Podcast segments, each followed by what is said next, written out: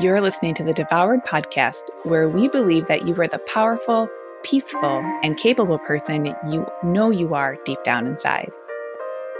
Join me, nutritional therapy practitioner Lucia Hawley, as I help you redefine what your relationship to your food means to you. Now is the best time to dive deep into how breaking the food rules serves you and your plate in your life. Learn the best insights from amazing guests on this weekly show. So now that you're ready to dig in, let's help you tackle that mountain on your plate and in your mind.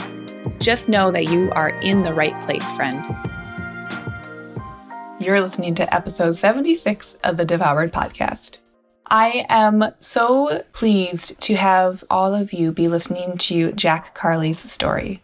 Jack is a friend of mine and she is the creator of M Serum, which is a oil for people who are experiencing adult acne. Now, Jack herself identifies as a person who has acne and she has had adult acne. And in today's episode, I think you will just be as blown away as I am. Jack is incredibly knowledgeable about nutrition and about the science and research that goes behind not only the foods that we eat, but also the stress that we encounter in our lives and also the cultural tides that are shifting and moving and how that impacts not only how we feel, but how something like our skin expresses itself. So join along in today's episode with Jack's story and buckle up because it is an incredible tale of perseverance and of empowerment. So let's dig in. Jack, thank you so much for being on the show today. I'm just so very excited for people to not only hear your story, but what beautiful opportunities have come from that story. So thank you for joining today. Thank you for having me. I'm super excited. And really, you know, on the show, we haven't had anyone specifically talking about skin, right? We talk about body image, we talk about weight so much on the show, but really, in terms of skin, skin health, what our skin is showing, you know, our relationship to all of that, we haven't gone into the deep end with that. So I would love for everyone to hear more about your story and your journey. So if you could just plunk us in wherever in that story feels best for you, we'd love to hear that. Yeah, it's uh, really it's been an interesting journey. It sounds very strange, but when I think back to my childhood or adolescence and things like that, I was not one of those people that was into skincare or, you know, what the latest moisturizer was or things like that, body wise or otherwise. I did start suffering from acne in my, I would say, probably teen years. I had a relationship with my face, but body wise, I never thought of the skin as an organism or as, you know, an organ, a part of. I just thought of it like this covering that, you know, it was just there and you want to make sure you don't mess it up or you don't cut it or anything like that. And I remember my mom using different kinds of creams. There's like oil of Olay and, you know, Nivea, all these things that she used to use and I was never really interested. And I thought of the skin as like apart from instead of a part of. And I don't know why, because I had friends that were totally into skincare and, you know, different kinds of brands and moisturizers and stuff. And I just, you know, I was the one with always like the dry skin that wasn't really paying much attention to that. And so, anyway, fast forward, I struggled with acne for a lot of years into my adulthood. And it was pretty bad. It was cystic acne, really heavy. In the midst of all of that, over the years, I had tried a gazillion things, all different kinds of birth control, all different kinds of antibiotics, all of the over the counter topicals and things that were sold at drugstores, um, washes. I was on Accutane, which is a very heavy duty medication. I did four rounds of that over the years. I used Retin-A, like everything, tried everything. And some things would work temporarily, but then it would always come back. The Accutane is really, really strong. It's so strong that when I would go to get my prescription every month, I would have to get a blood test done to prove that I wasn't pregnant. Wow. Um, because it, you know, it could deform the fetus and really have such a strong effect. So it was like heavily controlled and mm. it would dry out all of your mucous membranes and things like that. And at the time, like I was willing to do anything. I mean, if you told me you know, some old wives' tale that, you know, I could, whatever, take somebody's booger and, you know, and whatever, anything. I'd be like, okay, I'll try Here we go. it. Here we go. Um, and so, yeah, so it was really, really tricky because my friends all pretty much had beautiful skin. You know, they had the occasional zit and things like that. So I started using makeup really early on Mm. To cover up my skin. And I would wear it all the time. I would wear it to the store and to the gym. I'd wear it to sleep. I would wear it to school and later on to work. And always really feeling like I needed to hide it and hide myself. And when I was younger, there wasn't a lot of the research or the open, I guess, more open mindedness that there is now. And people with acne are often viewed as dirty Mm. or people that don't take care of themselves or people that you know that don't give a shit and we kind of look at like stereotypes in the media and things like that there's always like you know the extroverted really beautiful girl with the perfect skin and then the geek is like the introverted hides behind her glasses has oily hair and is hiding at home and lots of acne and things like that and so that's really perpetuated and i never felt like any mainstream brands or marketing or anything like that got me because they were always marketing to people with what I deemed already beautiful skin. And then Mm. the brands that were marketing to people that had acne would use models that just had like a couple of zits here and there.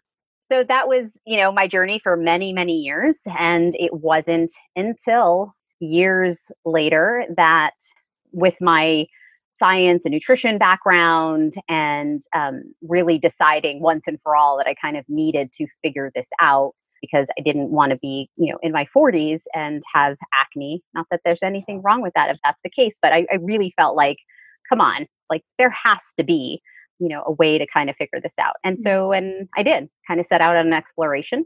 And I don't have any active acne today. I have a lot of scars, Mm. and I'm cool with that the idea wasn't really to make my skin perfect, although that's totally cool. You know, I don't know, maybe someday I'll decide to get laser, who knows. But more so for me to feel comfortable in my skin enough that I could walk around without makeup and, you know, just feel like, hey, this is me. And, you know, the acne was just a part of me and it was just Yeah. a symptom of other things. So you were experiencing cystic acne, and that was a, a large part of the experience. From the science standpoint, can you tell us a little more about what's really occurring when someone's experiencing cystic acne? Yeah, so usually the cystic acne is hormonally related and usually gut related as well. And so, you know, when we look at other conditions and people are very open to the fact that, oh, well, maybe something in my gut is causing inflammation and that is what is triggering this rash you know or maybe the antibiotics that i've been taking every single year for however many years wiped out my entire you know microbiome and um, my Mm. gut bacteria and now i you know somebody has leaky gut and there's just like kind of reactions it makes sense that people are very open to saying oh yeah okay that makes sense when it comes to acne for some reason it's not readily the case. Like the first immediate kind of reaction, or I guess thought for most people, is that it's external, right? Or that, like, I just have oily skin. That's just kind of Mm. how it is. Or not even considering what type of products that they're using and how that could be exacerbating the problem and things. And so, you know, there is the cystic acne, and then there's also the non cystic acne that can also come. And so, it's really looking at trying to get a better idea of like the bigger picture of what's happening. I know for me, and this is more of a superficial thing, but you know, growing up, I was taught that when you wash your face, like you're supposed to feel that like super tight, squeaky feeling. You know what I'm talking about? I do, the clean feeling. Yeah. yeah, yeah, that's the you know, and if you got that feeling, then that means your skin is you know super clean. Well, turns out not really. Like that usually means one is that it's like it's sucked the crap out of not only you know the bad stuff but also all the good stuff and messed up your pH and you know and all the oils that you need and things like that. And so then when the skin doesn't have what it needs, it's just like all the other parts of our body, very adaptable and smart, and says, "Oh, okay. Well, now I'm going to start overproducing mm-hmm. um, all of you know the oil that you took away because I need to make up for the fact that you just did that to me." But then we don't think that it starts to produce that, and all of a sudden we're like, "Oh, I have all this oil. I need to control it." So then we go into control. So anyway, so there are a lot of variables. You know, there are women that have cystic acne kind of in relation to like polycystic ovarian syndrome, um, mm-hmm. kind of that. There's also birth control rebound. So when women come off of birth control, there's, you know, food related stuff. Certainly a lot of research now showing how the sebaceous glands are affected by stress mm. and the receptors are affected by stress. So it is a kind of a very big holistic picture. Yeah. So for you personally, then, you said though, not only looking at it from just the conventional like topical standpoint but then from the inside out. So and of course everyone is unique and we have a disclaimer around that but what were some of the if you were to look back on your journey some of the big kind of standalone parts where you're like wow making this shift or that change really started to affect some of that inflammation that your body was expressing and showing? Yeah.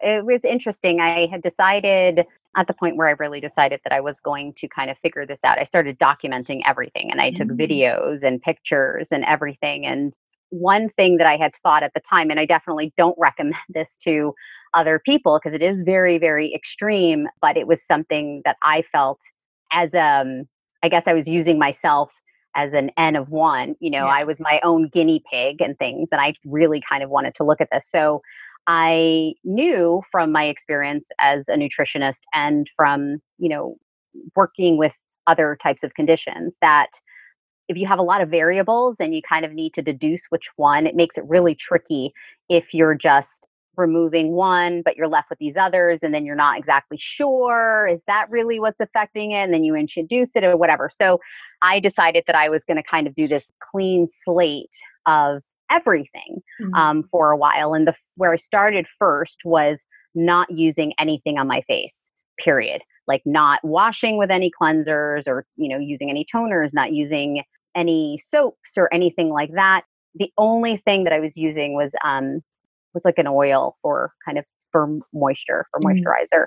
But I really wanted to see because I was unsure, you know, is my routine affecting this and how much can this change just even the surface of the skin.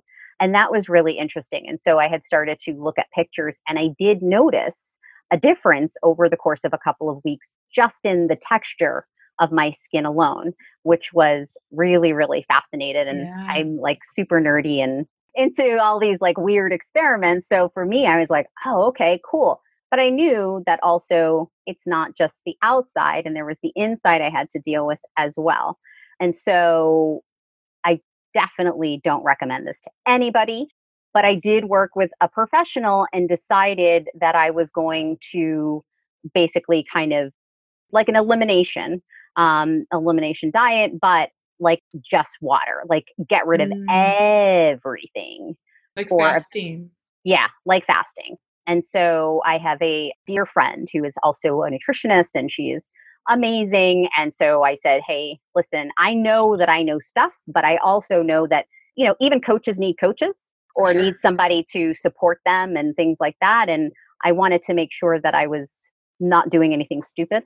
And so I said, this is, you know, kind of what I want to do. And I just want, you know, I want you to be a touchstone and you kind of check in and make sure that like, I'm not like passing out places yeah. or something like that. Someone knows what's going on. Right. yeah, exactly. Yeah. If something happens, you know the deal. So um, she agreed, and it was supposed to be. I don't know why I came up with the number ten, but it like ten days. But I could not go ten days. I think I went seven. Okay. It was hard. Yeah. Um, it was really hard. And I've worked with lots of people now. You don't need to do this. Yeah. You know, it's definitely, it can and should be done in a better and safer way.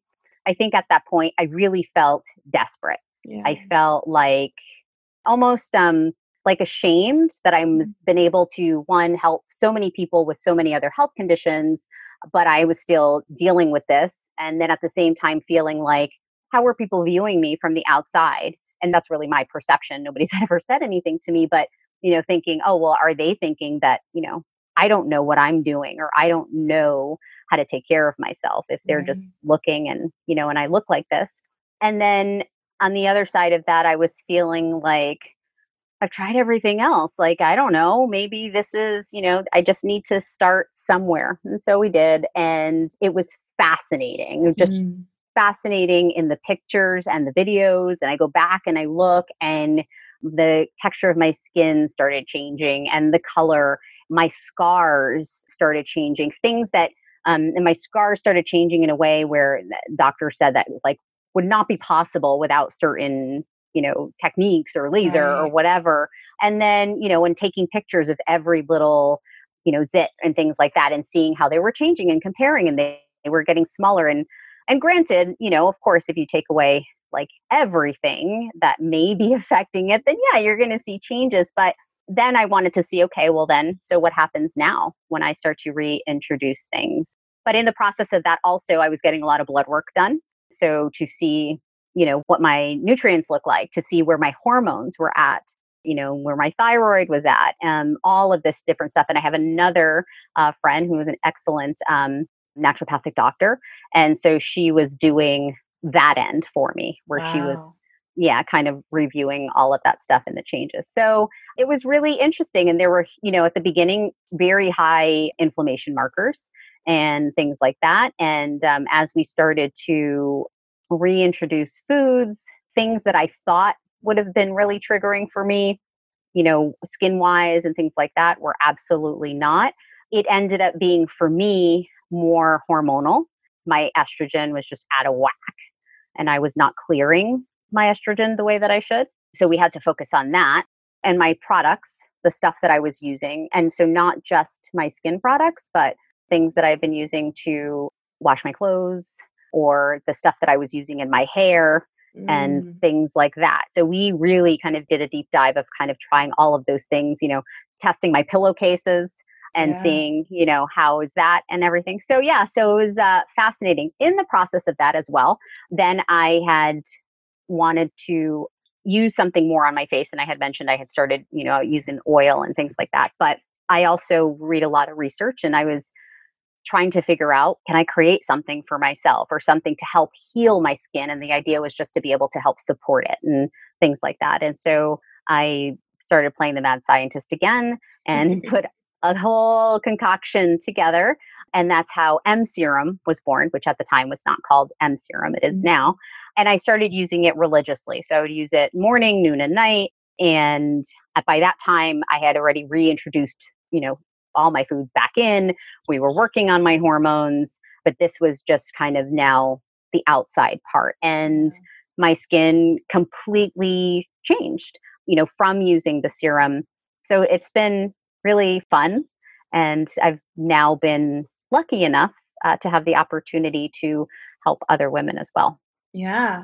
You know, it's incredible. I know you're disclaiming, right? Like you're not saying, okay, everybody go water fast. No, no, no. Stop eating. We're, Definitely we're not, not, Yeah, no. we're not saying that, but I think it's, you know, especially with your background in science and nutrition, really understanding that you could be both fasting, and I'm using quotes from the exterior, right? Fasting from topical products, from hair products, etc., laundry detergents, shampoos, all of that, but also when we offer our bodies a break really getting curious and saying, okay, now that you have this break, what are you going to do?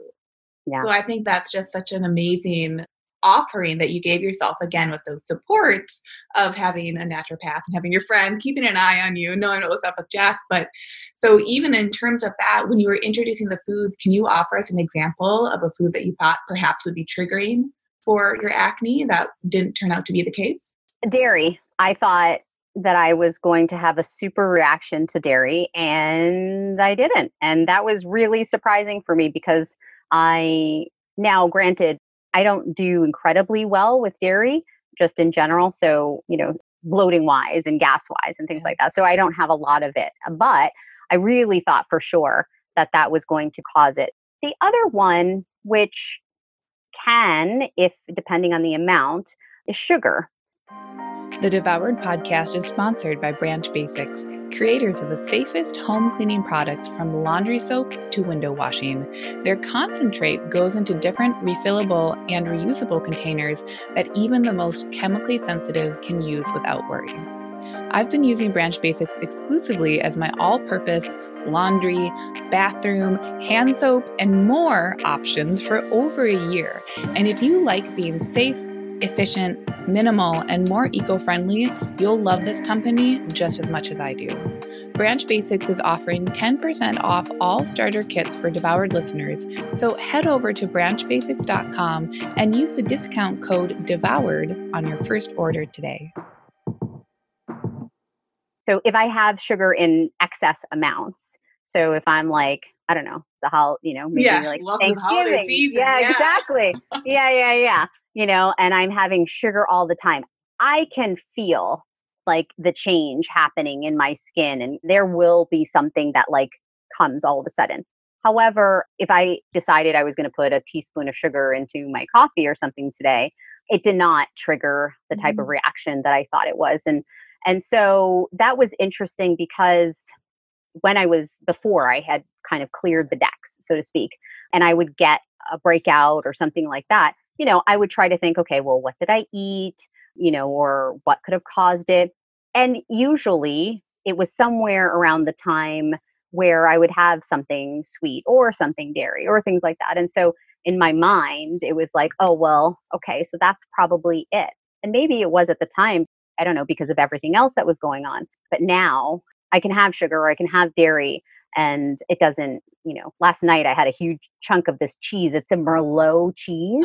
Oh get out. Yeah. nothing like you've ever had before. It's like drinking wine and eating cheese in the same bite like, red wine. on. best of both worlds right there. Oh my god it was so good. But yeah so you know and it doesn't affect me. So that was really interesting and also liberating in a way because i thought okay i'm gonna have to like get rid of everything. Yeah. um but wasn't the case well, and I think that parallels, you know, I think a lot of the women who listen to the show are also managing different chronic conditions and autoimmune conditions too. And I think that subject right there being like, there's almost fear around identifying, well, shoot, let's say I don't do well with dairy or with gluten. It moves from being liberating, like, oh, a relief of symptoms or a reduction of signs of whatever is occurring, into going into scarcity mode and saying, oh my gosh, I can never have this again, or I can't have this, or this is bad for me. So I think what you touched on is so, it truly is liberating because what you're noticing from your own personal experience is that it's dose dependent.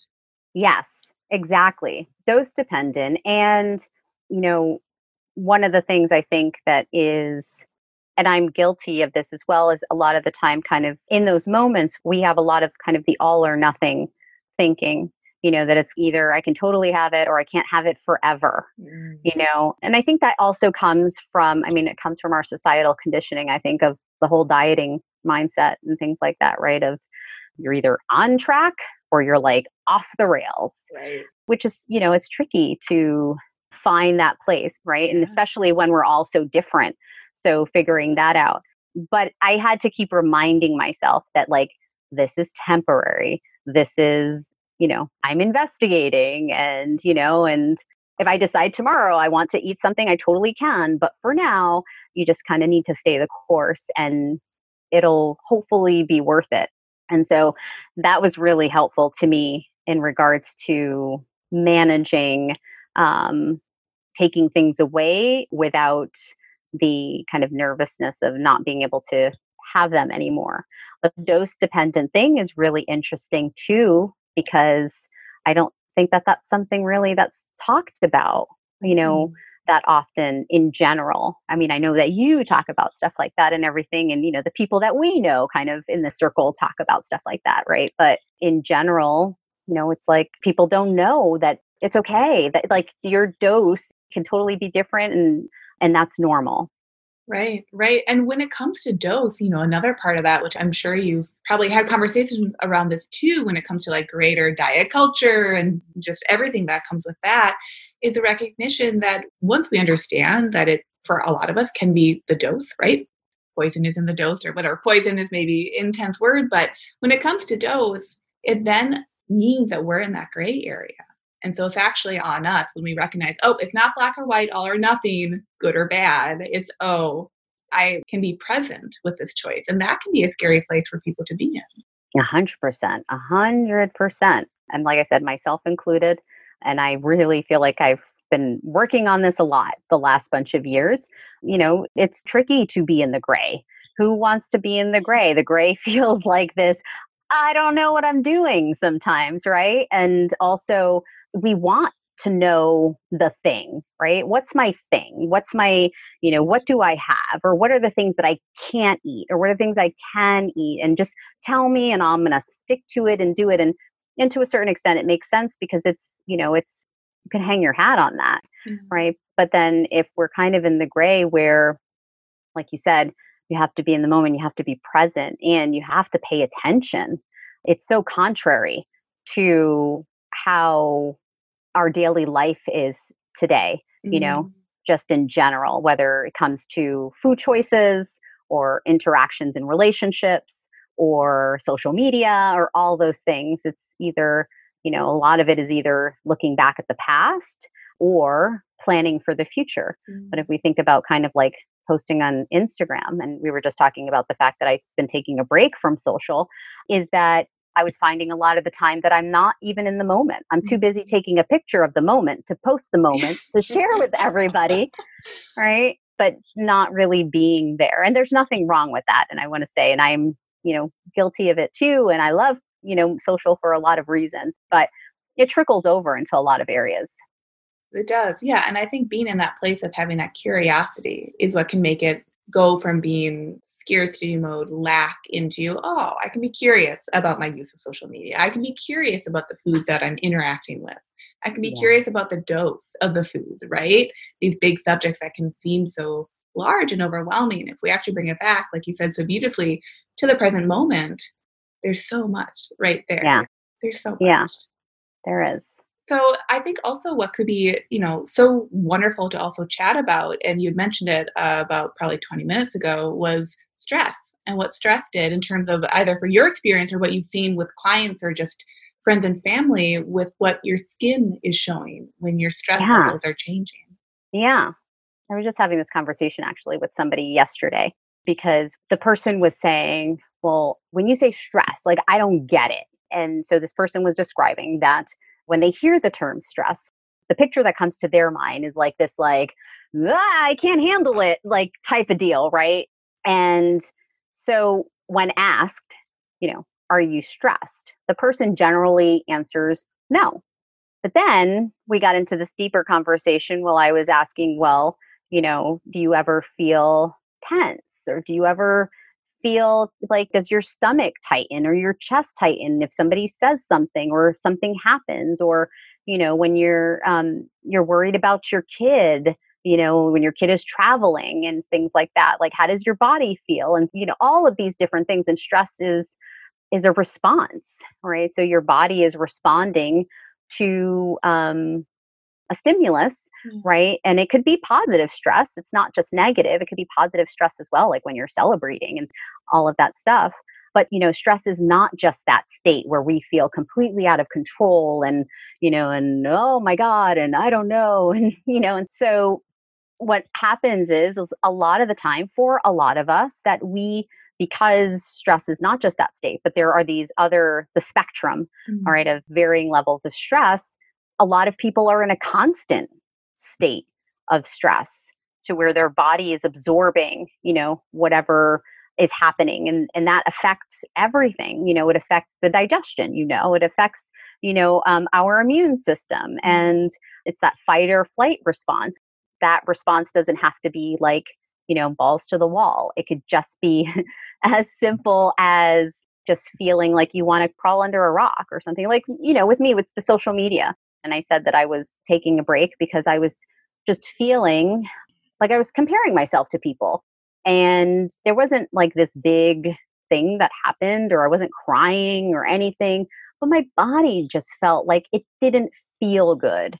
And that is a form of stress. And that that not feeling good then affects, you know, all of the other processes. So when it comes to acne, it's the same way. Your skin is your largest organ mm-hmm. and it is going to respond the same way all of the other organs respond to things. And so it makes a lot of sense. But for so long, the research, you know, that we were told like one thing has nothing to do with the other, just like we were told that stress didn't affect a myriad of other things, right? right? And so that's a big component in how I've been working with people as well, because I have clients that I've been working with that actually didn't have any food related issues and things like that, or didn't necessarily, you know, that there were some hormonal things happening, but they were really being exacerbated by anxiety and stressful things. And they didn't necessarily have the coping mechanisms to try to kind of manage that. And once we started focusing on that, because the whole uh, hormone or nutrition piece or whatever can feel really daunting. And so we had decided to kind of start with, you know, techniques like body brushing you know taking a hot shower or hot bath um, taking the time to you know read just things to kind of come down and meditation techniques or using like an app like headspace or something yeah. like that where then they started seeing changes in their skin just by managing or you know trying to manage those things and so i think um yeah it can be a really big driver when it comes to uh, not just skin, but everything else. I feel like it doesn't get enough attention. I mean, I know we're talking like now there's like a whole thing about, you know, mindfulness and there's a lot of talk about it, but I also feel like it doesn't get enough attention in terms of like really how it physiologically affects people. Like, mm. you know what I mean? Definitely. And do you feel like, you know, also from your background with science, do you feel like that that isn't reflected in the literature or in terms of studies? Well, so it's, I was just reading a study like two nights ago and it was specifically related to this. And I feel like they're just now mm. starting to kind of look at that and actually validate that. And the reason why is because now they can tie it to something that they can measure, which is, you know, how it's affecting the um, receptors in the sebaceous glands and kind of, mm. you know, mm. Production and things like that.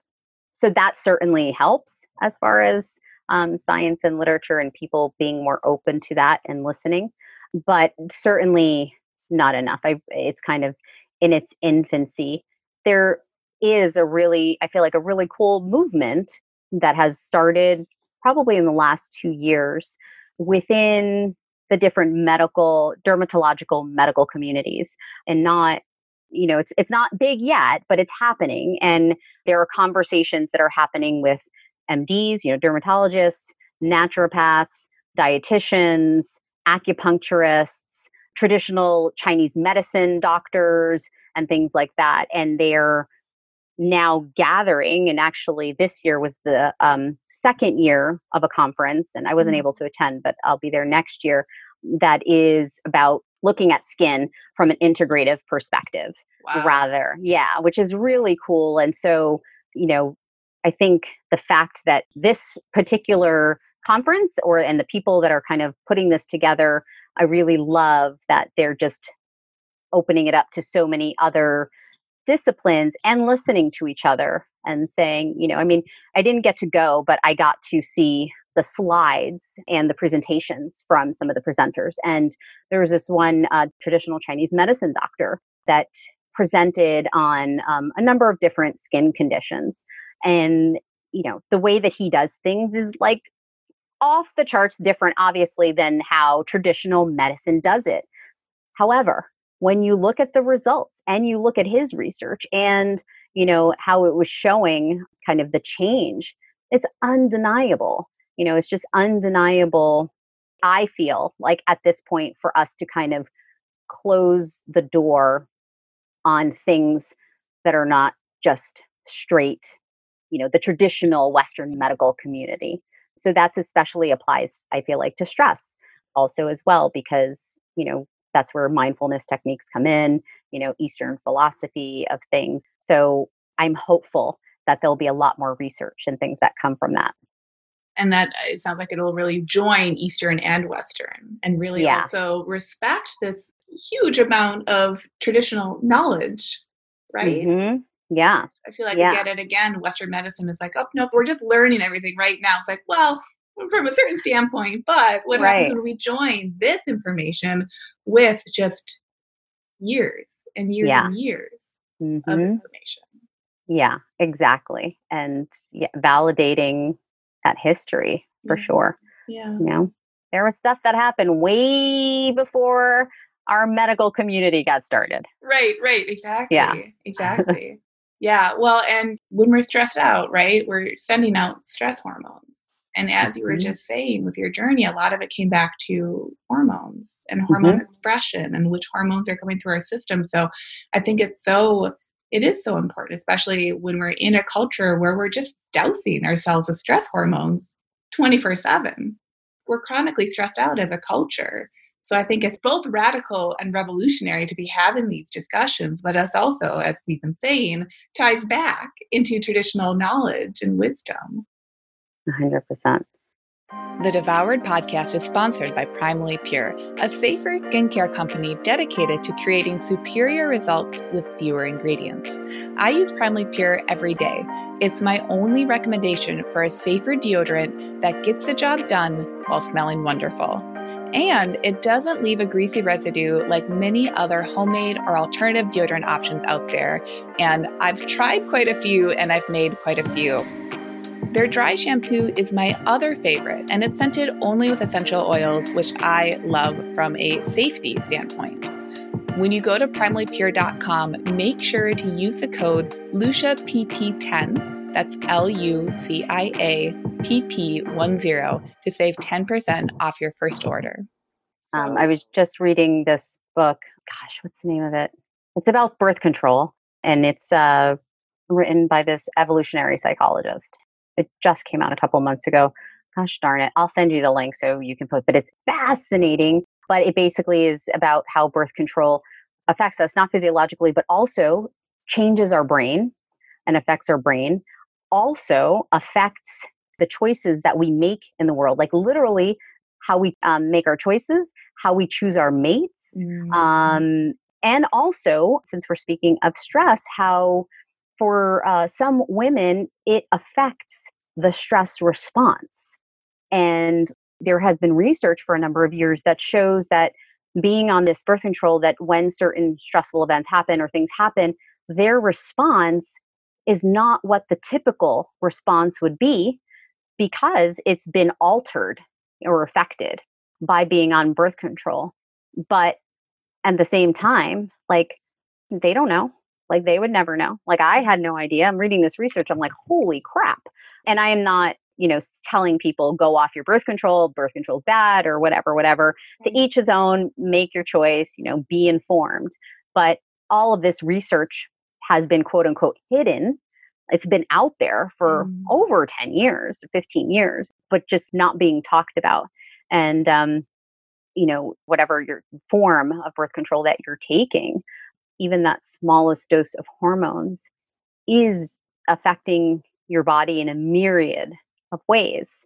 Like how I thought about my skin when I was younger, in the sense that was like, oh, that's like just my casing. I know that when I was on birth control a long time ago, that like I looked at it in isolation.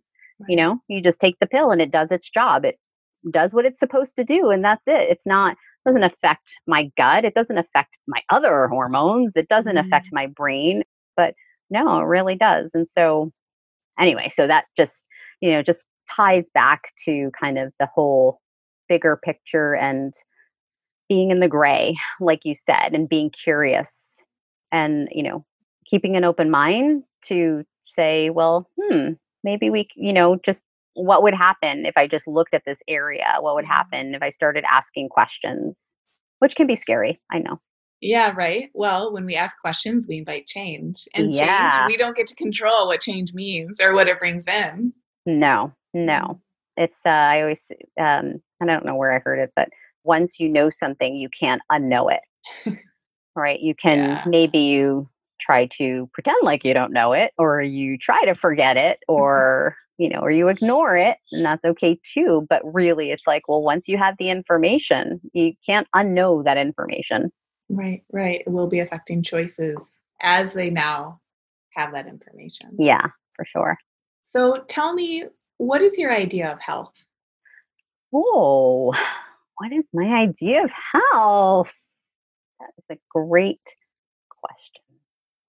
One that I am not prepared for. No. um, be prepared for it. hmm. I don't know. I guess, well, obviously, health for everybody is individual, right? So for me, I don't feel like there's one picture of what health is kind of blanket across the board. But I do know that health is comprised of more than just our physical, that it is also how we love ourselves, how we love and interact with others. It's our passion and the things that we, you know, the work that we do in the world or that we choose to do. It is the food that we eat and the exercise and movement in our body and sleep, of course. Mm-hmm. Um, and so I feel like health is kind of an amalgamation of all of those things in a way that serves you serves you so that you can thrive mm. and that you are then able to thrive in the world so that you can you know do the things that you want to do love the people that you want to love and be you know of service to others or contribute to the world. So that's what i would say. I think that's an amazing answer thank you. Yeah yeah. It is it's i'm even thinking back to what you were saying where you know with western medicine or the birth control where we've had this idea that is, our bodies are so compartmentalized right? Like just support your digestion just support your skin just do this take that do that. But it's not we can't be compartmentalized in our bodies. so that's what i'm hearing from this as well is that it's body mind and spirit. Yeah right? yeah. we are these full bodied creatures and so what that means from a point of health is having a holistic view and what that yeah. entail Mm-hmm. It, it's exactly that. And I know some people get twitchy about the word holistic, you know, and it doesn't have to be holistic could be whatever you want it to be, but it definitely doesn't have to be earthy crunchy or right. like woo woo or anything like that. It's, you know, it's just all the pieces, right, that you are, you know, combined and all of those pieces intersect. And uh, you know, we look at kind of what you were mentioning about Western medicine. You know, there's dermatology, so for the skin, there's cardiology for the heart, right? And there's endocrinology for the endocrine system, and there's um, neurology for the brain, and all, exactly what you were just saying, super fragmented, you know? So, and you go to one doctor and they focus on that, you know, in that area. And some now do, and more so, I guess, today. But traditionally, it's like, no, I, I only deal with that. Oh, you're having a symptom in your heart okay, well, then you need to see the heart guy for that. Right. Because, you know, the brain stuff, I don't, so that has nothing to do with your heart. Right. and so I understand also that that's like part of our conditioning that most of us are kind of working to unpack. And, um, like you said, for sure, it, it really is this whole um, picture. And I think that for me, whatever is going on, you know, whatever the condition is or the issue is. And, you know, the more that we can or are willing to take the time to look at the bigger picture and look at the different pieces and try to make connections wherever we can, the sooner and the faster and the better that we're going to be able to either figure out what's going on or find some type of relief and uh yeah and be more of our integrative self yeah. rather than that fragmented piece. Yeah. So, really taking that time builds resilience. Yeah, it does. Tell me, what is your idea of happiness? Hmm. My daughter's laugh, first and foremost. She has the best laugh, and it's my favorite thing. She's 15, and she's usually like in her room doing her thing. But whenever I hear her laugh, like that to me is always like, oh, okay. But I don't know. Well, I, when we say like, I just want to be happy, or we all just want to be happy, and I don't really feel like I've ever, like, I kind of figured out what does that mean because then that means that it's like a destination, right? An end game. I just want to be happy. Okay, so then like you get there, and then what? Mm-hmm. Um, And I personally, um, one of the things that I have been working on for myself the last bunch of years is enjoying the journey and not looking to the end game you know, or saying, eh, you know, once I get here, because that was always the case for me. Once I have clear skin, everything's going to be great. Once I lose 20 pounds, everything's going to be great. You know, I just want to be happy. So I guess the question for me then becomes well, why aren't I happy right mm-hmm. now? Like, what doesn't feel good? So I don't really know that I know what happiness feels like. I know when I'm celebrating. I know when I'm, you know, hugging my loved ones and I feel super happy to see them and or like I'm in a really good mood and I know that that means happy too. But I guess if we're talking, you know, happiness and kind of the bigger state of how one feels on a day-to-day basis, I guess it's like contentment.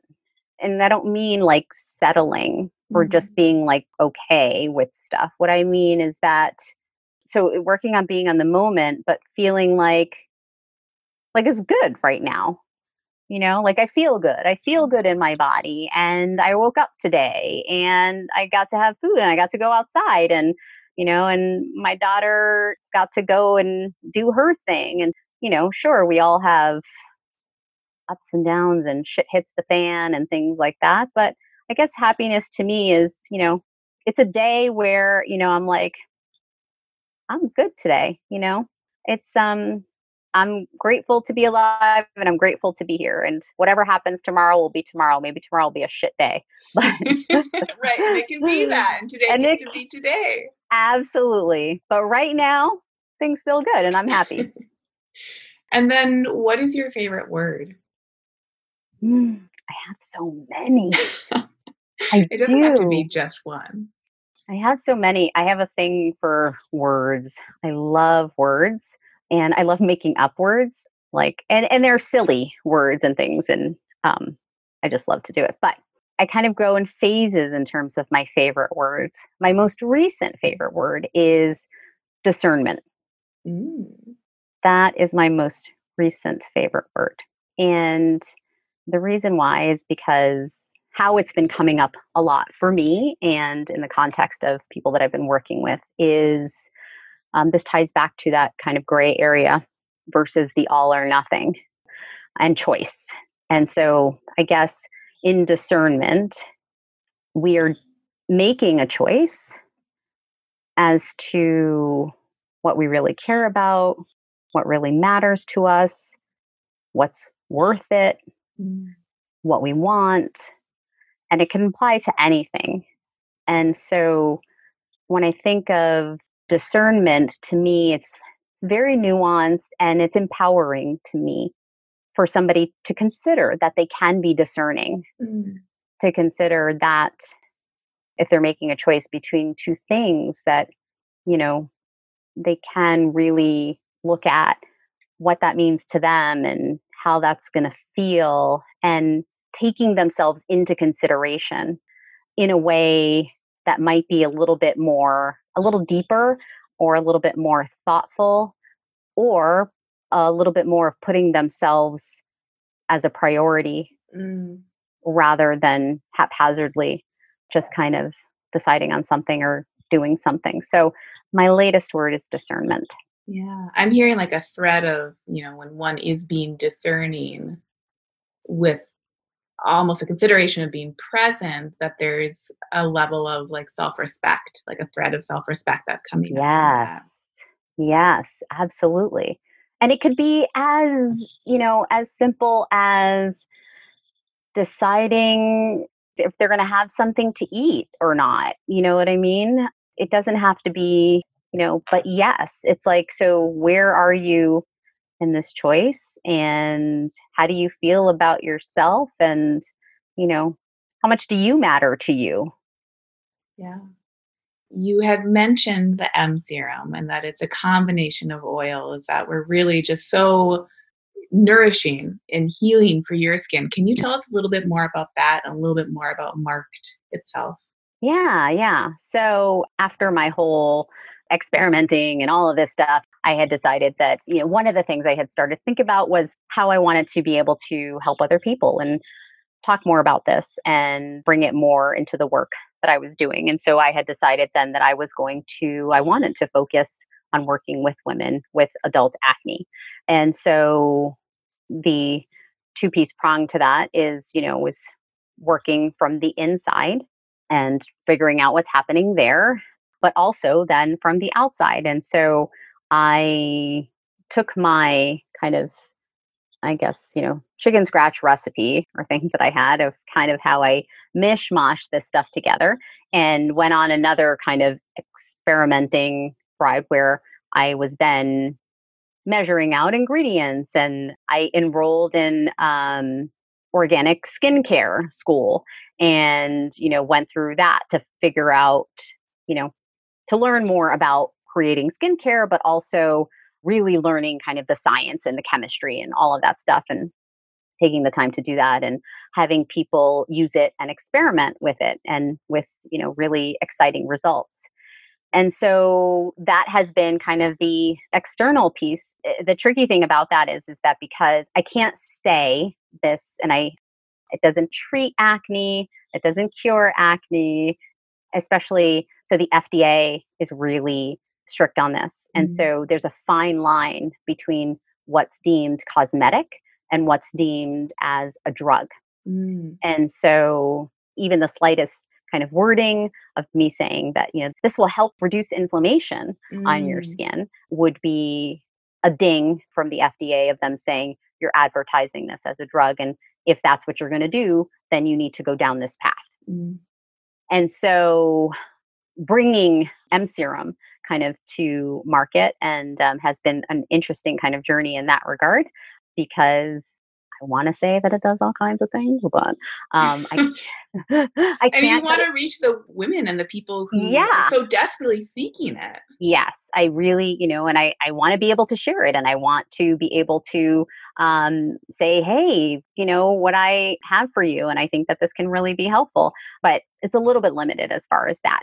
However, what I will say is that in this process, I really, really did a deep dive into kind of all of my ingredients, where they are sourced, and mm.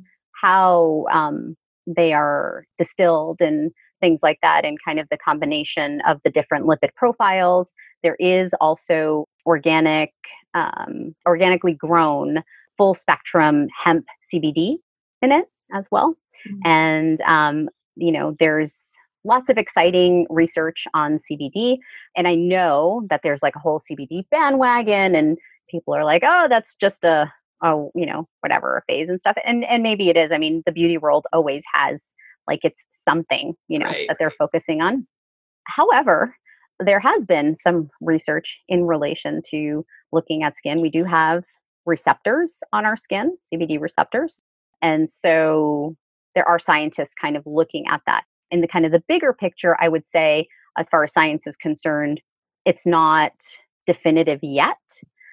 But anecdotally, what I can say is that in my experience and in the experience of the people that I've been working with that have been using it, that that in conjunction of the other organic plant oils that I've been using in this um, are really helpful and make a difference. So it's been really exciting and um, it's all carrier plant oils, mm-hmm. so there's no essential oils in it. And I I love essential oils, but also there are a lot of people that are very sensitive to um, not just to smell, but also to different kinds of essential oils and things like that. And at the end of the day, what I decided was is that because the idea of the product is to help somebody kind of lessen you know, whatever symptoms that are happening or things like that, I didn't want to include something that perhaps for somebody may trigger something or mm-hmm. may cause more of a problem, even if it didn't for somebody else. But mm-hmm. so there is no smell in it,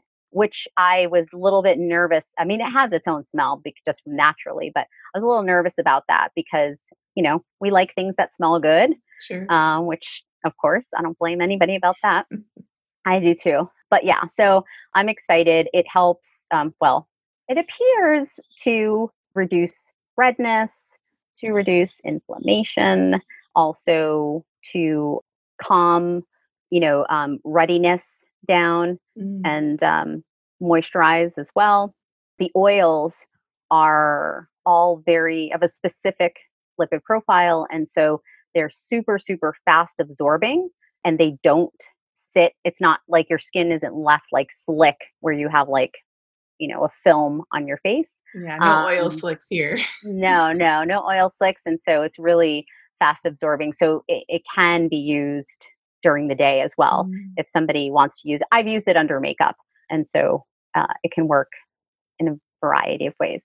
But yeah, so I'm excited. So that and with marked, um, so I work one on one with women that are struggling with adult acne, and and really the reason why I called it marked is because as somebody that had or you know, and I still consider myself as somebody with adult acne or whatever, you know, a part of the team, you feel marked. You know, you feel marked by society in general that's looking at you and thinking, you know, there's something wrong with you by the medical community that basically just kind of you know just writes a prescription and hands it off to you by uh, skincare brands and marketing that basically they don't value you they don't even value you enough to actually hire somebody that has acne to promote their products you know and so they're not speaking to you they're speaking at you and we're often and feeling as somebody you know when you have it you feel marked with shame and embarrassment.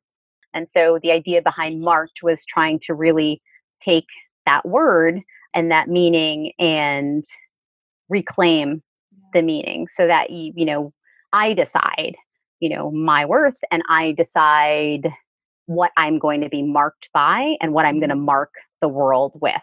So that's marked. That's so powerful. Thank you. Where can we find you? I know you're taking a social media break, but, and I'll link up things in the show notes, but for people who are curious and to know more, where can we find you online?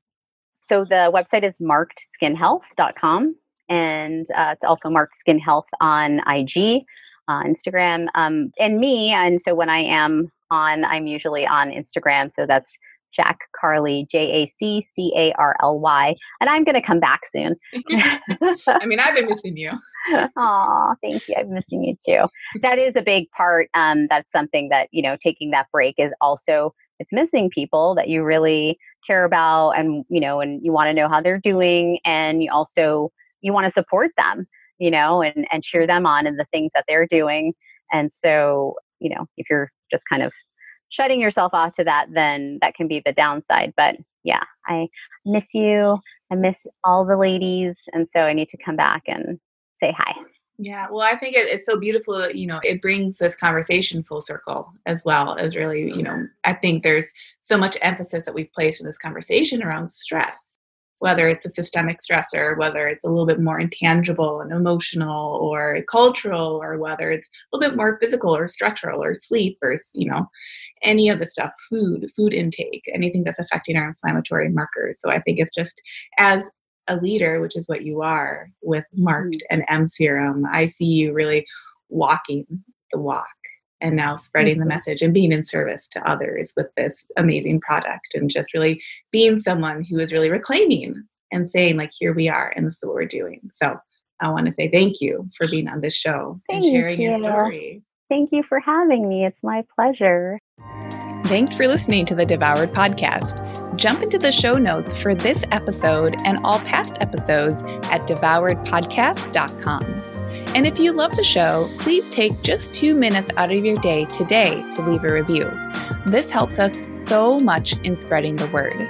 Consider also sharing your favorite episode with a friend.